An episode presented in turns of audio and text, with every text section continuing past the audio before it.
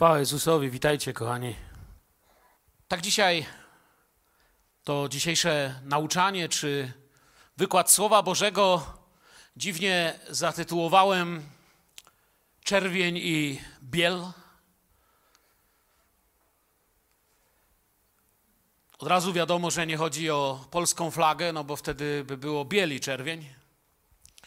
Wiadomo też, że nie chodzi o flagę Indonezji, ani nie chodzi o flagę Grenlandii. Chociaż jeśli chodzi o Polskę, to nam wierzącym ta biel i czerwień w jakiś sposób proroczo mogą przypominać to słowo, z którego dzisiaj chciałbym skorzystać.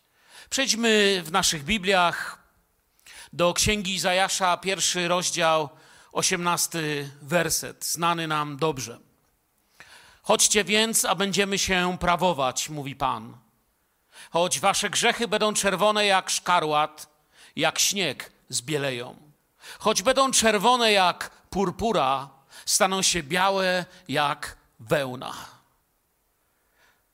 I tutaj w tym słowie, kiedy je czytamy, chodźcie więc, a będziemy się prawować, mówi Pan, to my to może tutaj tak dobrze po polsku nie widzimy, ale w tekście hebrajskim mamy tam święty tetragram, czyli JHWH, to najświętsze, niewymawialne imię Boga, jak mówią oni Żydzi. I chociaż jest to tam święte imię Boga, dla którego drżenie i szacunek jego naród okazuje, to jest to werse do Bożej cierpliwości i miłości. Bóg nadal daje tym, którzy chcą drogę wyjścia. Pomimo całego buntu na tej planecie, Bóg mówi: chodźcie. Jezus mówi: chodźcie. Chodźcie, a będziemy się prawować. Wiecie, Bóg okazuje się Bogiem bardzo przyjaznym. Jest coś ważnego, co musimy pamiętać jako wierzący, zarówno w naszej służbie, kiedy służymy innym, stąd się ta nazwa służba bierze, kiedy chodzimy po tym świecie i jesteśmy świadectwem, czy będąc w kościele czy poza nim, że za Bożą przyjaźnią nigdy nie stoi tolerancja albo akceptacja dla grzechu. Bóg nigdy niczego nie robi po znajomości. Bóg jest zawsze święty i nigdy nie działa po znajomości, ale zawsze działa przez Ducha Świętego w świętym życiu. I podobnie i w naszej służbie nigdy nie powinno, bez względu na to, co robimy, stać jakaś znajomość, jakieś skrótowe myślenie, że to w sumie nasi. On jest naszym Bogiem i u Niego wszystko to musi być właściwie według słowa. Zawsze stoi słowo i świętość dla Niego jest najważniejsza. I ten werset mówi: chodźcie i coś zrobimy z tym, czym jesteście, ale Bóg nie wskazuje tutaj, pomimo że jest to Stary Testament, na to, że mówi: chodźcie i krzywdę im chce zrobić. I Bóg nie wskazuje też tutaj na żaden skrót wskazuje na to, że możemy przyjść i spotkać się z Jego świętością, i to jest to, co chciałbym dzisiaj, czym chciałbym się dzisiaj tutaj yy, z tego wersetu dzielić. Kościół prawdziwej przyjaźni i prawdziwej służby też tak ma. Chce, Panie, upodabniać się do Ciebie. Chce być uczniem Jezusa, chce być podobny do Ciebie. I wiele razy powiedzieliśmy sobie, że jeżeli w Kościele tracimy uczniostwo, to tracimy sens Kościoła. Kościół jesteśmy uczniami Jezusa, jest raczej mało sensownym zgromadzeniem, które sobie niepotrzebnie zabiera czas. Ale gdy jesteśmy uczniami Jezusa, jesteśmy światłością świata, solą ziemi, odpowiedzią na nieszczęścia tego świata, modlicielami, wstawiennikami, tymi, którzy mogą przynieść różnicę. Czasami wiem to ode mnie z domu, ale wiem to też z praktycznego naszego życia Czasami dostajemy ze sklepu jakąś gazetkę, czasami zobaczymy gdzieś reklamę i na przykład ktoś mówi, że jest duża promocja. I wtedy, korzystając z promocji, biegamy do sklepu, bo wiemy, że jeśli jest to oczywiście prawdziwa promocja, wiecie, już widziałem taką promocję, że kefir był ważny do jutra i pisało promocja. To nie była promocja, tylko wyprzedaż wtedy. Ale pisało promocja, nie? Ja mówię o prawdziwej. Kiedy jest prawdziwa promocja, to wiemy, że jest ona ograniczona czasowo. Potem cena może być wyższa albo inna. I podobnie jest Boża tak, jest Boży czas łaski. Ja nawet się boję tu użyć słowa promocja. Ale chcę, byśmy coś zauważyli. Ograniczony czasowo moment, gdzie Bóg mówi: przyjdźcie. Będziemy się prawować, przyjdźcie. Jest szansa w Twoim życiu przyjść do mnie i załatwić sprawy Twojego życia. Można przynieść to, co brudne i brzydkie, i zabrać to, co czyste, białe i nowe. Oferta trwa nie wiem do kiedy. Przyjdźcie. To znaczy, ja nie wiem do kiedy. Ojciec, wiadomo, wie. I ciekawe jest, że w tym wersecie mamy język prawniczy. Prawować się, chodźcie, a będziemy się prawować. Prawować się w tym wypadku tutaj oznacza dyskusja w oparciu o zapisane prawo. Pójdźcie więc, a będziemy, mamy w tekście się prawować, moglibyśmy przetłumaczyć pójdźcie więc, a będziemy dyskutować o zapisanych w prawie rzeczach. Jak to się ma? I strony dyskutują, aby zawrzeć na przykład porozumienie, zgodę, no lub też niezgodę, i wtedy proces, wiemy, toczy się mniej przyjemnie dalej. W tym wypadku Bóg mówi: chodźcie, omówimy, włożę w Was moje słowo, moje prawdy, byście zobaczyli, że jest brudno, ale będzie biało, że jest purpura, ale będzie biel, że stanie się coś, co jest niemożliwe, by stać się mogło. W tamtym czasie Wielu ludzi w Izraelu miało pretensje do Pana Boga. I to był czas, kiedy przyszło działać prorokowi Izajaszowi. Nie mamy tego zapisany, zapisanego w Słowie Bożym, ale zarówno Talmud, jak i pewne midrasze, czy nauczyciele Talmudu i midrasze wskazują, że Izajasz był jednym z tych żydowskich proroków, o których my oczywiście wiemy, mówimy o tym, że to książę proroków, tak go nazwaliśmy, ale oni mówią, że był jednym z tych, którzy zginęli męczeńsko. Z tego, co nam wiadomo, z tej ludzkiej, przekazanej słownie tradycji, Izajasz zginął męczeńsko, przepiłowany żywcem w pniu drzewa. Dokładniej przepiłowano go tu na wysokości ust tak żeby piła weszła w jego usta za to, co mówił. Ale był to właśnie taki czas. Ludzie mieli pretensje do Pana Boga, złościli się na proroków, złościli się na prawdę, mieli pretensje na zaistniałą wokół sytuację polityczną. Senacheryb, władca imperium, dowódca wojsk imperium, przepraszam, na chwilę pozostawia Jerozolimę w spokoju. Jerozolima doświadcza wstrząsów politycznych i nie tylko. Sytuacja jest ciężka, nie ma bezpieczeństwa, wzrasta przestępczość, wzrasta korupcja. Życie jest bardzo, bardzo nieprzyjemne w tamtym czasie. Na chwilę wojska odchodzą od miasta, ale wojna się nie kończy. Nikt nie wie kiedy, nikt nie śpi bezpiecznie. Książęta nie wiedzą, że nad nimi jest to, co Izajasz nazwie, że są książętami Sodomy i Gomory, dlatego że to właśnie w Izajasza, w tym pierwszym rozdziale, jeszcze przed tym wersetem, który dzisiaj chciałem omawiać, przed tym 1,18, Bóg kieruje słowo do Sodomy i Gomory, tyle tylko, to sobie oczywiście możecie w domu przeczytać, że w czasie, kiedy prorok Izajasz wypowiada te słowa, a jest to około 800 lat przed narodzeniem Pana Jezusa, troszkę mniej niż 800 lat przed narodzeniem Pana Jezusa, to wiemy, że już dawno Sodoma i Gomora nie istnieje. Już dawno książąt Sodomy i Gomory nie ma. Zginęli, a Sodoma i Gomora jest daleko, daleko w przeszłości. Ich już nie ma, a jednak on do nich prorokuje i kieruje do nich swoje słowo. Tyle tylko, że w czasie wypowiadania tych słów ich nie ma, ale żyją ludzie, którzy zaczynają postępować ich w duchu. Dlatego, że ten naród się w to właśnie miejsce. Wojna u granic, wróg wręcz pod murami, brak błogosławieństwa. Tak, to wszystko wina nie wiem, co w dzienniku słyszycie, ale tym razem nie powiem tego. To wszystko wina Pana Boga. Tak sobie myśli lud. To wszystko wina Pana Boga. I wszyscy obwiniają Boga, wszyscy mają pretensje. Wielu ludzi w tamtym czasie traci swoją wiarę, wielu jest zgorszonych. Wielu mówi: Pan nas opuścił.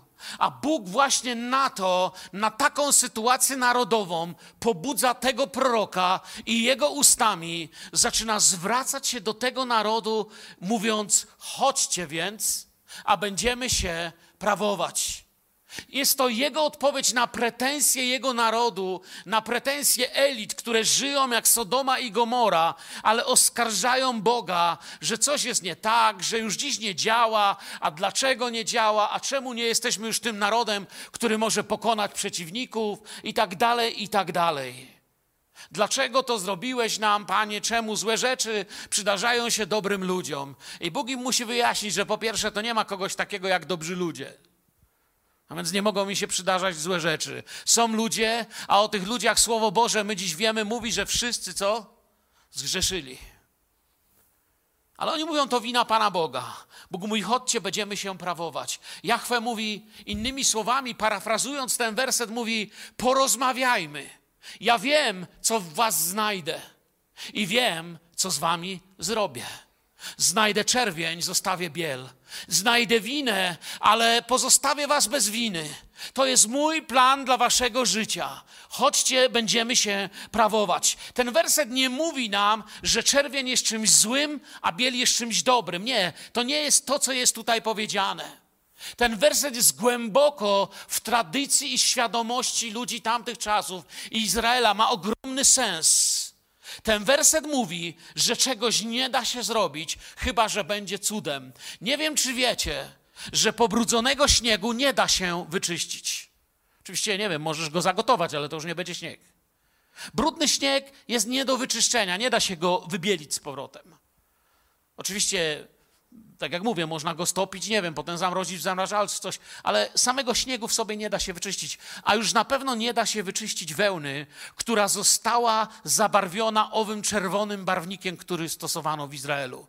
Jest to proces nieodwracalny. Nie było. Dzisiaj wiadomo, że mamy takie farby i takie chemikalia, że różne dziwne rzeczy robimy, ale na tamten moment to, co ci ludzie słyszeli, to przesłanie brzmi: Stać się musi coś, czego zrobić się nie da, i ja w was znajdę coś, czego sami zmienić nie możecie, ale przemienię to i to, co jest nie do przemiany, wy spod mojej ręki przemienieni wyjdziecie.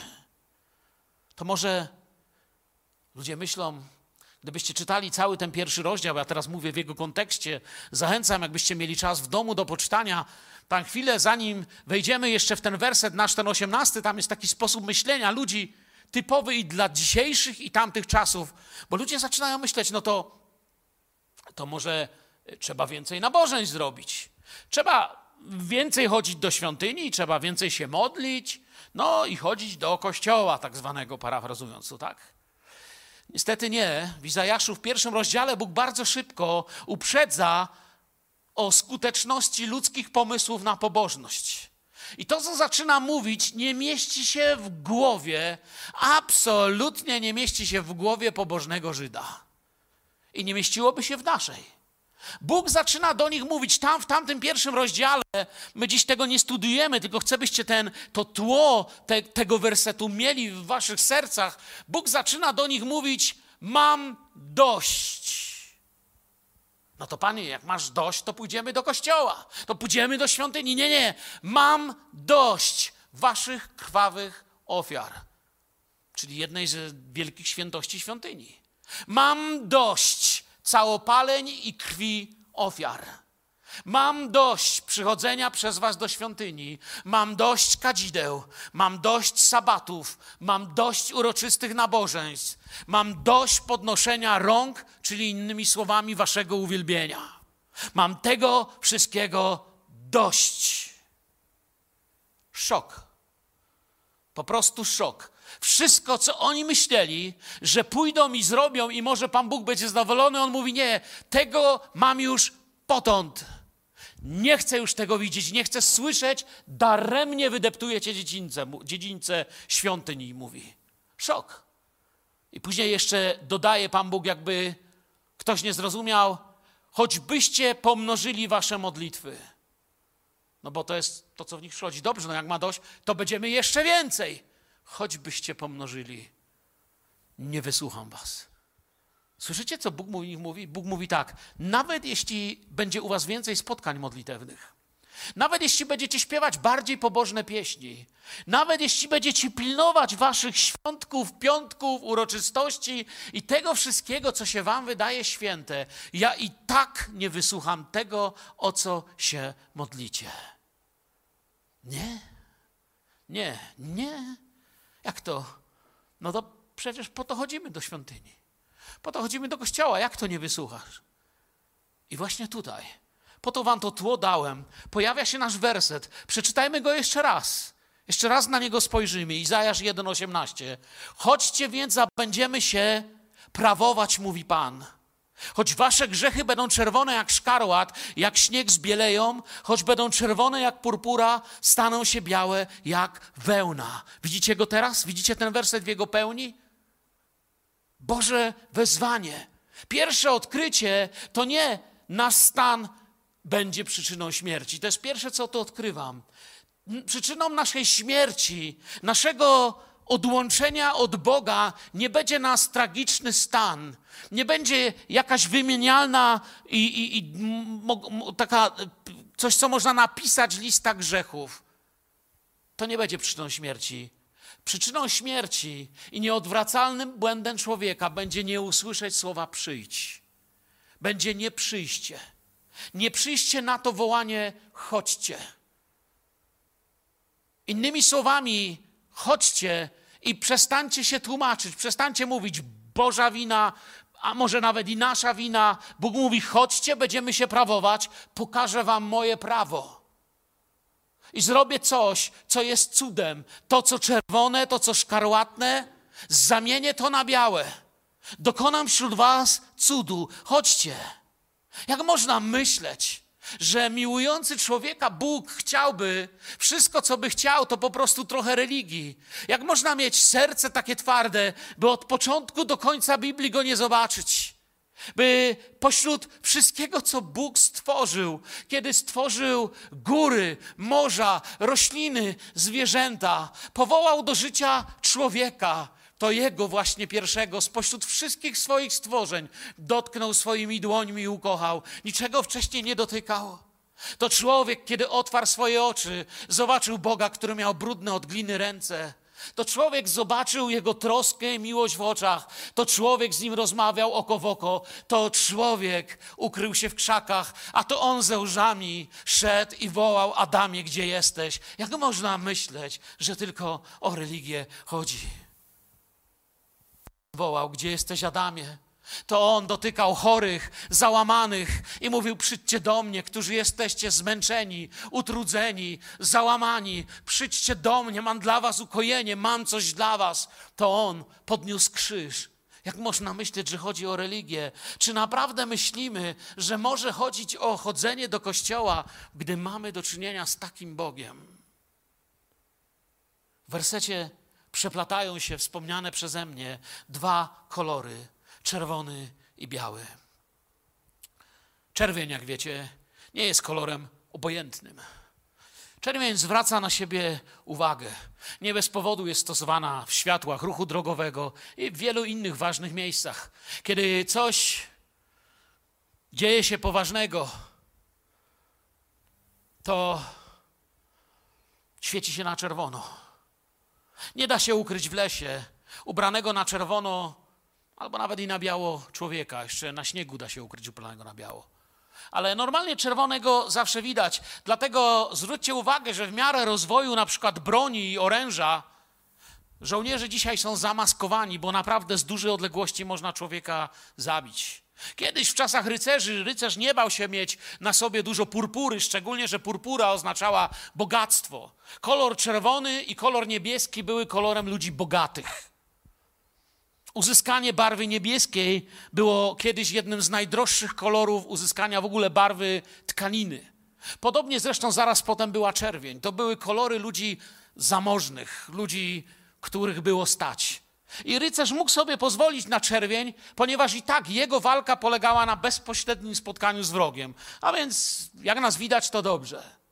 Ale dzisiaj żołnierze nie chodzą na czerwono. Są zamaskowani, ponieważ nie ma walki kontaktowej. Dlatego armie zmieniły kolory, bo ubrany na czerwono żołnierz stawał się łatwym celem. Ale nie o tym dziś mówimy. Bóg mówi: chodźcie, będziemy się prawować. Jest coś czerwonego, będzie białego. Dokonam cudu, który ja wiem, że w waszych głowach nie może się stać. Bo teraz, co słyszał Izraelita gdzieś przed 700 rokiem przed naszą erą, kiedy usłyszał to przesłanie Izajasza? Co słyszał? Co słyszał człowiek, który otwierał jakiś y, papirus zapisany, czy gdzieś słyszał te słowa? Co słyszał człowiek tamtych czasów? wiedział, czym są barwniki. Wiedział, że nie da się wybielić jak śnieg lub nie da się, żeby coś było jak biała wełna, tego, co zostało zabarwione owym szkarłatem, co już wcześniej powiedziałem. Było to niewykonalne.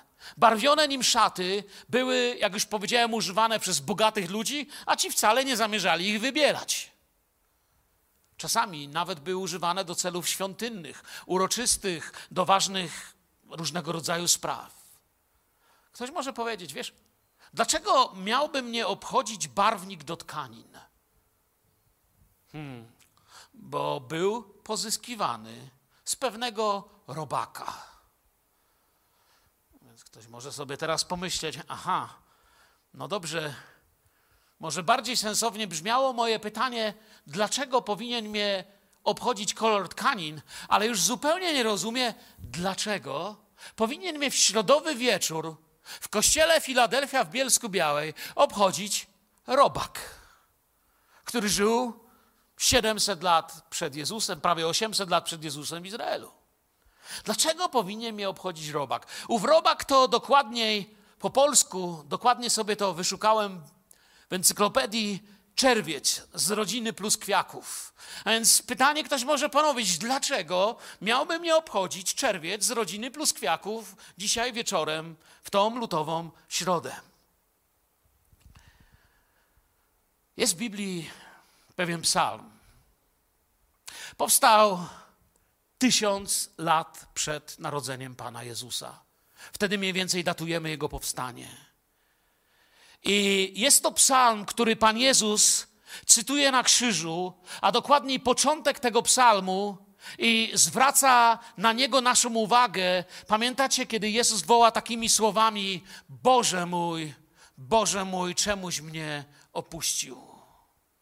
To ten sam psalm, który w wersecie dziewiątym, na razie tego nie będziemy czytać, tylko chcę, byście wiedzieli, zapowiada to, że będą kpili sobie ludzie z Jezusa.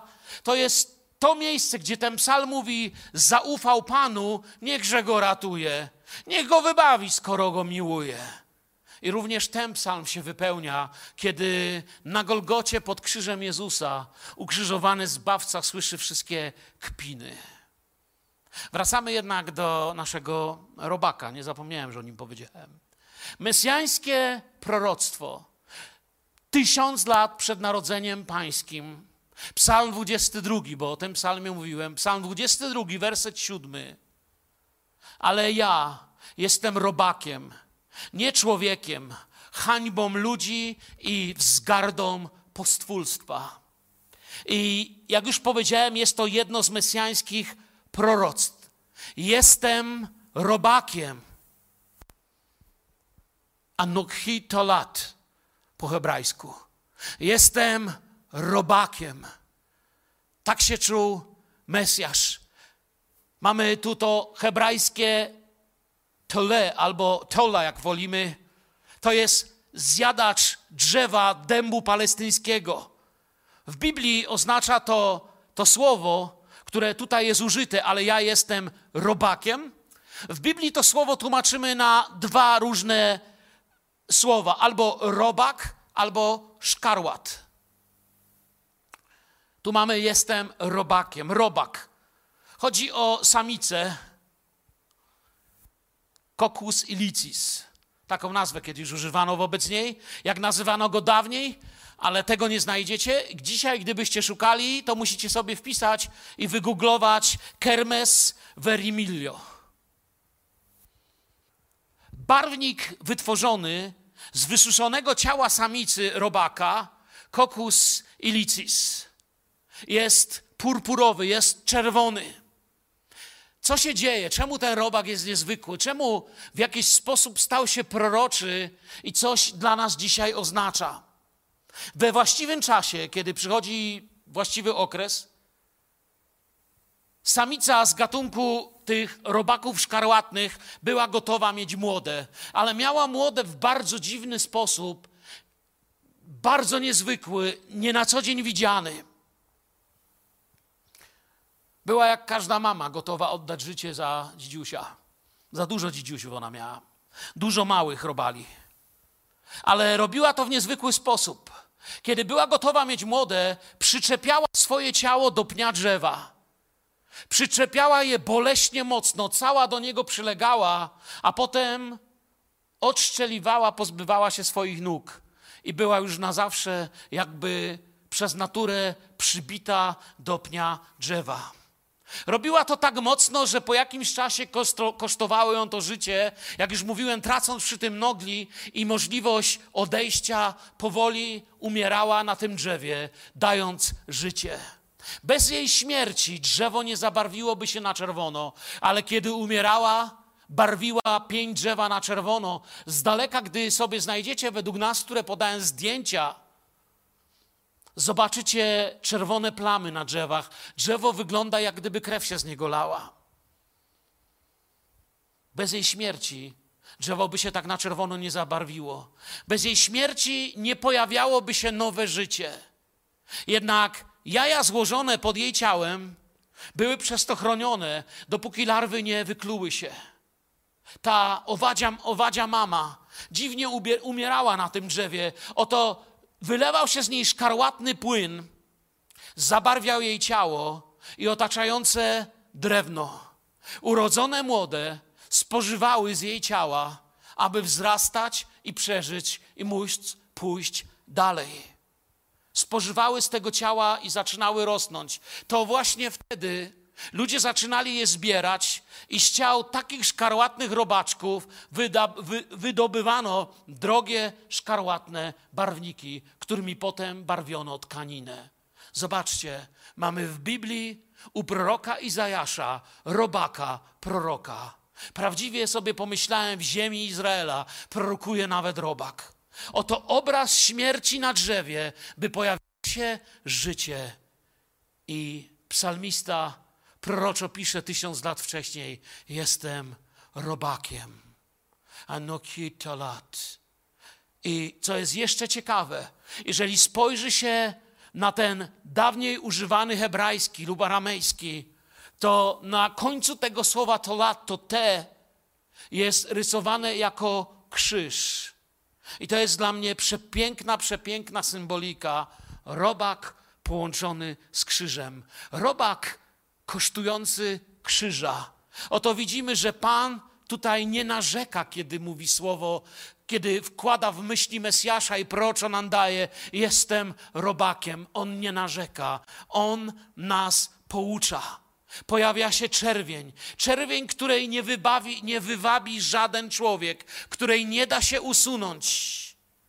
Ale to jeszcze nie jest największy cudowego robala. Czwartego dnia po robaku pozostaje jakby skrawek. I skrawek po trzecim dniu, w czwarty dzień, zamienia się w skrawek białego puchu, który opada z tego drzewa. I tak się kończy życiowa droga dziwnego robaka. A młode ruszają swoją drogę, niosąc czerwień, przez którą się rodziły. Dlatego w języku hebrajskim to nie tylko nazwa jedynie koloru, ale i nazwa robaka, który uczy lepiej niż niejedna szkoła.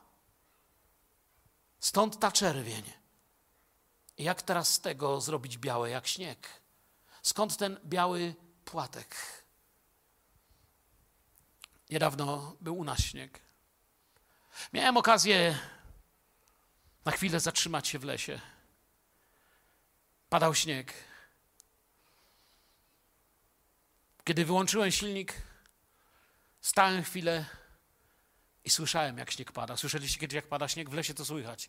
Słychać, jak płatki śniegu ocierają się gałęzie, ocierają się od siebie. Padał śnieg. Taka taka cisza była i było słychać jak pada. Jest taki biały, jest taki czysty.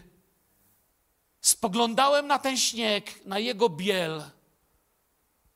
On nie był takim śniegiem jak ten na drodze, po którym jechałem. On był bielutki, bielutki, bielusieńki. I Bóg mówi do mnie, że to może stać się we mnie. Pewien pisarz, którego ogólnie, nieszczególnie Wam polecam, nazywał się Herbert George Wells, napisał mroczną powieść, wiele mrocznych powieści napisał zresztą. Napisał mroczną i ciężką powieść Wojna Światów o inwazji Marsjan na Ziemię, jeśli znacie klasykę takiej literatury XIX-wiecznej. I pisał w tej powieści o czerwieni, która pokrywała wszystko, lasy, ziemię, wszystko. Jakieś takie, taka, taka roślina z Marsa. Pomyślałem sobie, przypominając sobie Wellsa i tą jego absolutnie mroczną atmosferę tej powieści, jakby wyglądał śnieg, który patrzysz w lesie na tą biel, gdyby to było czerwone. Przyznacie, że las byłby bardzo upiorny. Wyglądałoby to jak upiorny sen. Zamiast bieli lasu widzielibyśmy czerwień. Zamiast iść po bialutkim, świeżym śniegu, szlibyśmy, szlibyśmy po czymś czerwonym. Ta czerwień byłaby na naszej skórze, brudzilibyśmy się od tego. Nasza twarz by była od tego brudna, czerwona. Jak koszmar. Pewnego dnia z podobnego koszmaru zbudził się pewien król. Nie mógł spać nocami. Nie mógł sobie z tym wszystkim poradzić. Wszędzie czuł ten brud, którym się pobrudził. Wszędzie czuł koszmar, który otacza jego życie i miał w sercu jedno pytanie i jedno pragnienie. Czy da się coś zmienić? Jego pragnienie poprzez załzawione oczy, napisane drżącą ręką, brzmiało w Psalmie 51:9: Pokrop mnie hizopem, a będę oczyszczony. Obmyj mnie, a ponad śnieg bierszy się stanę. Ta czerwień musi być, ale jest mi potrzebne obmycie, coś się musi stać. I tylko przez krew to się może stać. Muszę stawić temu czoła, ale nie dam rady, jeśli ty coś nie zrobisz. To jest ten sam psalm, z którego kiedyś tutaj, nie wiem czy pamiętacie, bodajże dwa lata temu w czasie postu mówiłem, że to jest ten psalm, gdzie, gdzie jest to hebrajskie słowo bara, stwórz we mnie serce czyste. I to słowo stwórz to mamy czasownik bara, za który odpowiada tylko Bóg. To jest ten sam czasownik, co jest użyty w początku Księgi Mojżeszowej. Bereshit bara Elohim, na początku Bóg stworzył. Z niczego stworzył. Bóg tworzy nowe serce z niczego, przynajmniej z niczego, co my ludzie moglibyśmy dać. Ex nihilo. Absolutnie nie ma nic, a Bóg tworzy Innymi słowami, Daniel nie mówił, przepraszam, Dawid nie mówił do Boga: Boże, jak ty mnie z tego oczyścisz, to ja cię do serduszka zaproszę i będę lepszy. To nie działa. Cie, my musimy pamiętać, że my nie możemy w ogóle Bogu nic oferować. On mówi: Boże, ja potrzebuję coś z góry, coś od ciebie. Nowe serce we mnie stwórz. Zrób we mnie coś nowego. Pokrop mnie, obmyj mnie. A pomiędzy tą czerwienią i bielą doświadczę cudu, stwórz we mnie serce nowe. Tak jak musi spaść świeży śnieg, tak serce musi stać się nowe. Nie da się oczyścić brudnego śniegu z ulicy. To nowe i świeże musi przyjść z góry. Hiob. Na samym początku wędrówki zbawienia i objawienia tego, co człowiek o Bogu odkrywał. Księga Hioba pełna jest tęsknoty za pośrednikiem, który nam został objawiony w Jezusie Chrystusie. Hiob mówił o śniegu, wskazując na swój problem. W księdze Hioba on zaczyna się modlić i mówić takimi słowami: choćbym się w śniegu wykąpał. Choćbym się w śniegu wykąpał, a ługieł umył swe serce, umieścisz mnie tam na dole. Nawet mój płaszcz się mną brzydzi. Nie człowiek to, aby mu odrzec, razem stawajmy u sądu. Czy jest między nami rozjemca, co rękę położy na nas obu? O, nie jest człowiekiem. Nie mogę mu powiedzieć, abyśmy się rozmówili.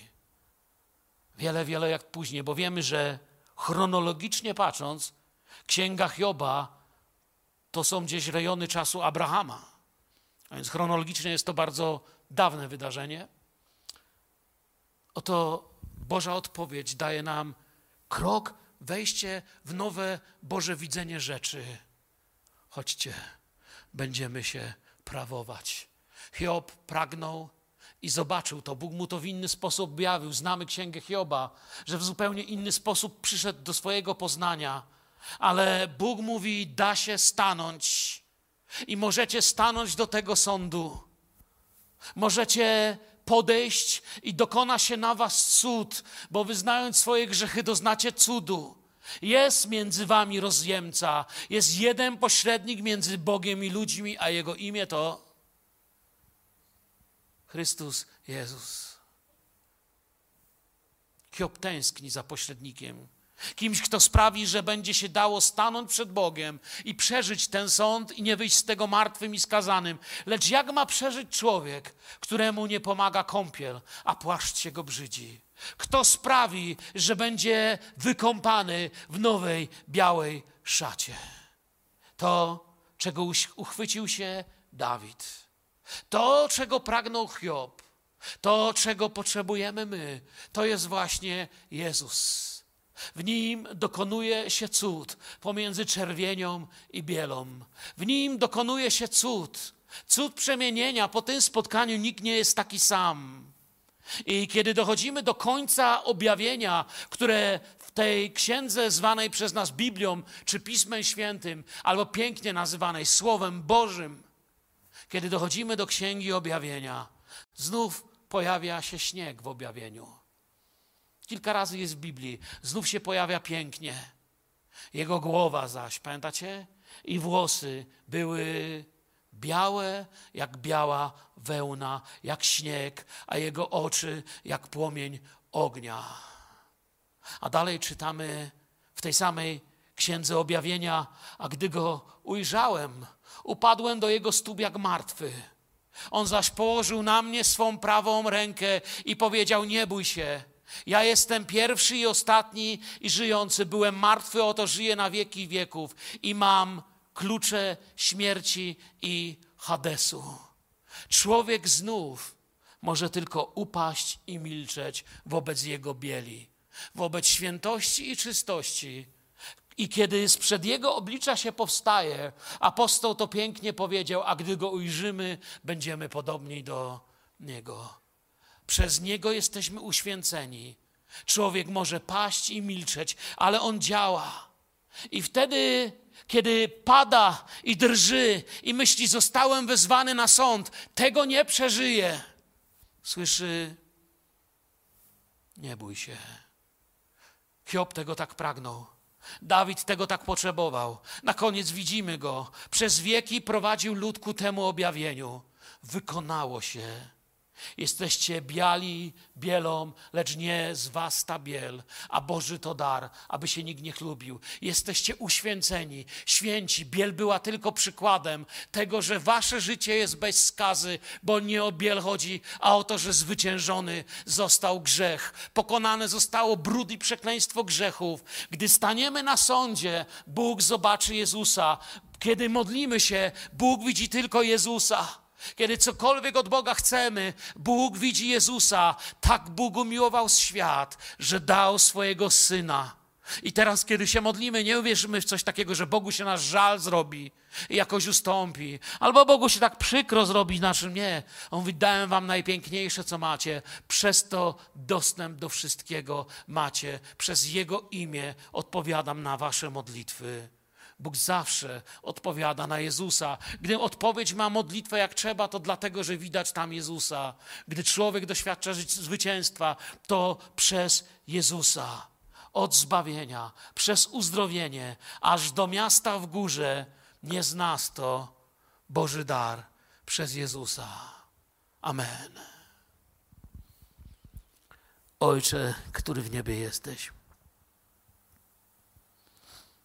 Panie, dziękuję Ci że za to, w jakim ja stanie, Panie, byłem i Tyś mnie znalazł jeszcze. I dotknął i podniósł. Że nie brzydziłeś się mnie, Panie. Że tak jak w Biblii nie brzydziłeś się trędowatych i dotykałeś ich, chociaż religia Cię nazywała wtedy nieczystym. Tak nie brzydziłeś się życia ani mojego, ani moich braci, ani sióstr. Ale Ty służysz. Służysz cudem, który się dzieje w naszym życiu. Dziękuję Ci, że moje myśli, moje słowa i moje życie może być wolne od brudu. Że wiem, że kiedy dojdę i stanę przed tym tronem, to nie muszę poszukiwać w sobie żadnej siły, ale mam w Tobie. Ty jesteś moją nadzieją. Ty jesteś moim posileniem. Ty jesteś tym, co mnie usprawiedliwia. Twoje dzieło sprawia, jakby spadł nowy, świeży śnieg. Panie, proszę Cię, dotknij się dzisiaj każdego, kto przyszedł tutaj na to miejsce i chodzi w swoich grzechach. Każdego, kto ma odwagę w ogóle tak chodzić jeszcze po ulicy i spać i żyć i nic z tym nie robi. Dziękuję Ci, że jest ratunek u Ciebie dla każdego, kto zegnie swoje kolana i przyjdzie przed Twoje oblicze. Amen.